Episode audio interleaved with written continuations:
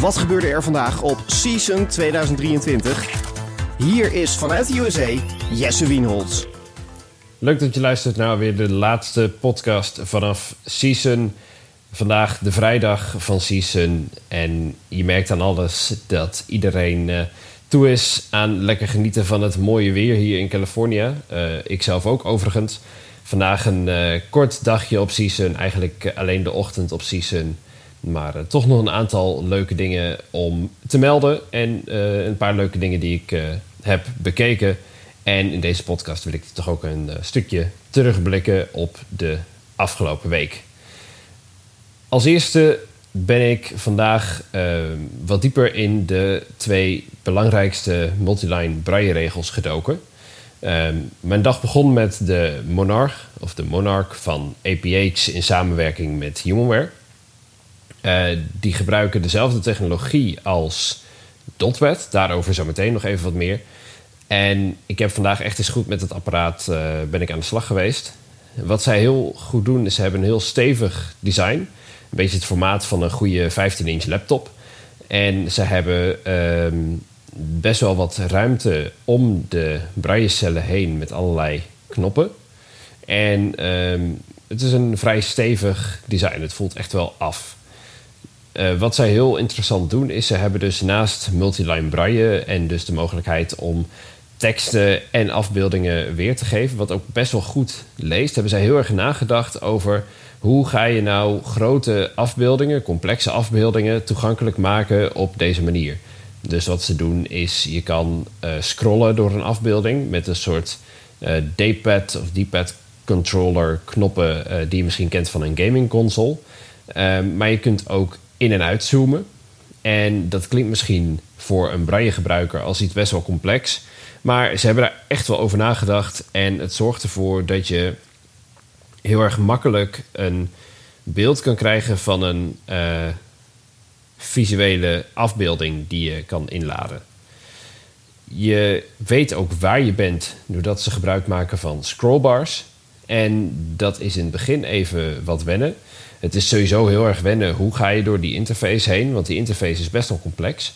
Maar het is een hele logische interface waar je ook snel aan went. Zeker ook omdat ze touch gestures gebruiken. Dus je kunt uh, op alles op het scherm, wat je dus in braille leest, kun je ook klikken om bijvoorbeeld uh, in te zoomen op een bepaald stuk van de afbeelding of om menuopties aan te klikken. Daar is echt wel over nagedacht. En wat ik ook een heel interessante vind bij die Monarch is dat ze heel erg hebben nagedacht over integraties om met name schoolboeken, maar ook andere content daar gemakkelijk in te krijgen, ofwel via HDMI, ofwel via USB, uh, ofwel via de applicaties direct op de uh, Android, uh, op het Android besturingssysteem, ofwel via een SDK. Dit is de Visiolab Innovatie Podcast. Daarna heb ik ook nog even wat verder gespeeld met de Dotpad. Dotpad is qua design iets compacter dan de Monarch. Um, de Dotpad is qua interface vind ik nog lastig om daar nu wat over te zeggen. Ik heb het idee dat de interface wat simpeler is en wat basaler is, ook aan integraties dan de Monarch. Ze gebruiken natuurlijk dezelfde cellen. Dus ja, heel veel van de look en feel is vergelijkbaar. Wat de Dotpad heel interessant en goed doet, is de integratie met iOS. En daar heb ik natuurlijk al wel eerder over gehoord. Je ziet de opties ook in de rotor. Als je in je iOS-rotor gaat kijken, dan zie je allerlei dingen over de braille puntdikte en zo. En nou, daar heb ik nu eindelijk eens mee kunnen spelen en kunnen zien wat dat nou doet. En wat je eigenlijk dus krijgt, is dat één element in de voice-over focus op de dotpad verschijnt. Dus als je bijvoorbeeld een app-icoon hebt op je homescreen, dan komt als het ware dat app-icoon visueel ook in beeld op de dotpad. En als je bijvoorbeeld een grafiek hebt, dan kan die hele grafiek ook in beeld komen op de dotpad. En dat is in sommige gevallen heel nuttig en heel interessant, maar je merkt dat het ook heel erg afhankelijk is van het soort element wat je eraan voert, als het ware in hoeverre het nou werkt of niet. Um, dus die integratie met iOS zit heel goed in elkaar. En ze hebben naast iOS ook nog meerdere mogelijkheden tot input. maar je merkt wel dat er nog minder support is om bijvoorbeeld in en uit te zoomen en te scrollen door afbeeldingen om echt een plaatje te vormen van een groter geheel. Maar goed, misschien dat dat in de komende tijd nog wordt toegevoegd. In ieder geval heel interessant om zo de twee, denk ik toch wel uh, verst ontwikkelde multiline braille displays vandaag echt eens goed aan de tand te hebben gevoeld. Dit is de Visiolab Innovatie Podcast. Een ander iets waar ik het nog even over wilde hebben, en ik heb hem al een paar keer uh, kort genoemd, is GoodMaps. Vandaag had ik even de rust om wat meer te spelen met de GoodMaps. Ik werd ook eigenlijk toe gedwongen, want ik ben vandaag een deel van de tijd alleen de beurs over geweest. En dan moet je ineens toch meer vertrouwen op de technologie in plaats van dat je met iemand mee kan lopen. En het viel mij op dat GoodMaps, uh, GoodMaps heeft dus de volledige omgeving van Season gemapt. Dus uh, in kaart gebracht uh, via LiDAR-scans. Maar wat mij dus opviel is dat ze uh, nu vergeleken met maandag toen de beurs begon, echt een heel stuk beter de boel in kaart hadden gebracht. Veel gedetailleerder. Alle stands die er eerst niet op stonden, die stonden er nu wel op. En ook het lokaliseren, dus het uh, zorgen dat je telefoon snapt waar binnen de gescande omgeving je bevindt, ging steeds beter. Kan misschien ook zijn omdat het iets minder druk was met iets minder mensen. Maar het viel me echt op dat daar een soort stijgende lijn in zat. En dat ik in het begin van de week nog een best wel een aantal keer zoiets had van... oh, nou, hij stuurt me echt niet de goede kant op. Ik op het einde van de week, vandaag dus, echt wel erop durfde te vertrouwen... en ook zag dat het goed ging. Um, dat vond ik wel heel bijzonder om te zien.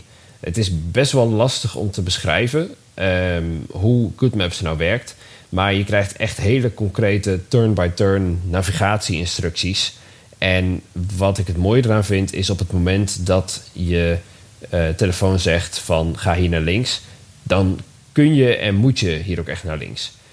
Waar je wel natuurlijk rekening mee moet houden, is dat GoodMaps geen obstakeldetectie doet. Het is echt puur indoor navigatie. En dat maakt het wel eens lastig, omdat je dus het gevoel hebt van ik kan vertrouwen op deze technologie, maar je moet alsnog echt wel goed blijven opletten, zeker in een drukke omgeving als season. Um, waardoor het gebruik van Good Maps best wel wat van je vraagt. Omdat je dus echt goed moet luisteren wat je telefoon zegt. En wanneer je dus uh, uh, een bocht moet nemen en wat voor bocht dan. En je dus echt goed op je omgeving moet letten op uh, obstakels en dat soort dingen. Dit is de Visiolab Innovatie Podcast. En hiermee zijn we dan echt aan het einde gekomen van season. Vanmiddag heerlijk van het eh, Californische zonnetje genoten. En uh, nog met een aantal mensen lekker van het Amerikaanse eten genoten. Ja, nu, nu kan het nog. En voor mij zit Season erop. Hoe kijk ik erop terug? Het is anders dan ik verwacht had. Maar het is wel een hele mooie week geweest. Season was kleiner dan ik verwacht had. Ik weet niet waarom, maar ik had het gevoel dat het een enorm grote beurs zou zijn. En het is allemaal vrij compact, uh, zowel met het aantal stands als uh, met alle dingen eromheen. Het is minder, minder massaal dan ik had verwacht. Maar wat me heel erg is opgevallen is de kwaliteit van alles wat we er zijn tegengekomen. De kwaliteit van de meetings, van de uh, presentaties, van de stands op de beurs.